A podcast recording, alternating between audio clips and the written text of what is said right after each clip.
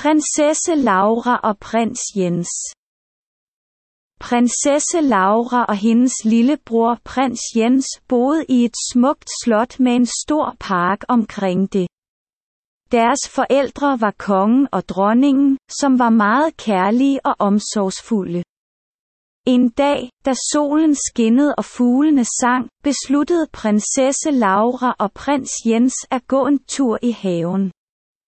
De gik forbi blomstrende buske og grønne træer, og pludselig så de nogle små dyr, der legede i græsset. De var meget glade for at se de søde dyr og begyndte at lege med dem. Da de var færdige med at lege, besluttede de sig for at invitere nogle af deres venner til at komme og lege med dem i haven.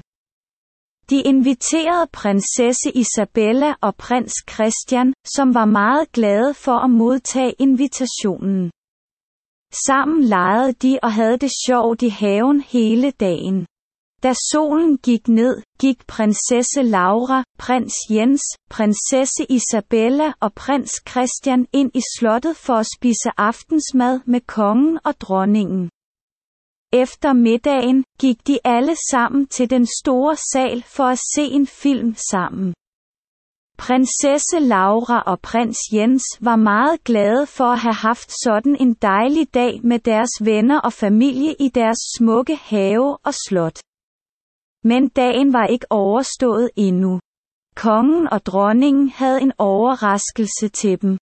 De fortalte, at de ville tage dem med på en magisk rejse til en skov fyldt med eventyr. Prinsesse Laura og prins Jens var meget spændte og klædte sig hurtigt om, så de kunne tage afsted. Da de kom til skoven, var det som om de trådte ind i en anden verden. Der var søde dværge, der dansede rundt om træerne, og små feer, der svævede i luften. Prinsesse Laura og prins Jens var helt betaget af det smukke syn. Kongen og dronningen tog dem med på en tur igennem skoven, hvor de mødte mange sjove og interessante skabninger. De mødte en troldmand, der kunne lave magiske tricks, og en drage, der var venlig og hjælpsom. Efter deres eventyr i skoven, gik de tilbage til slottet, trætte men glade.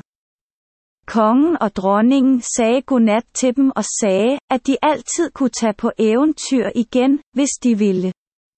Prinsesse Laura og prins Jens faldt i søvn med et smil på læben, drømmende om deres næste eventyr.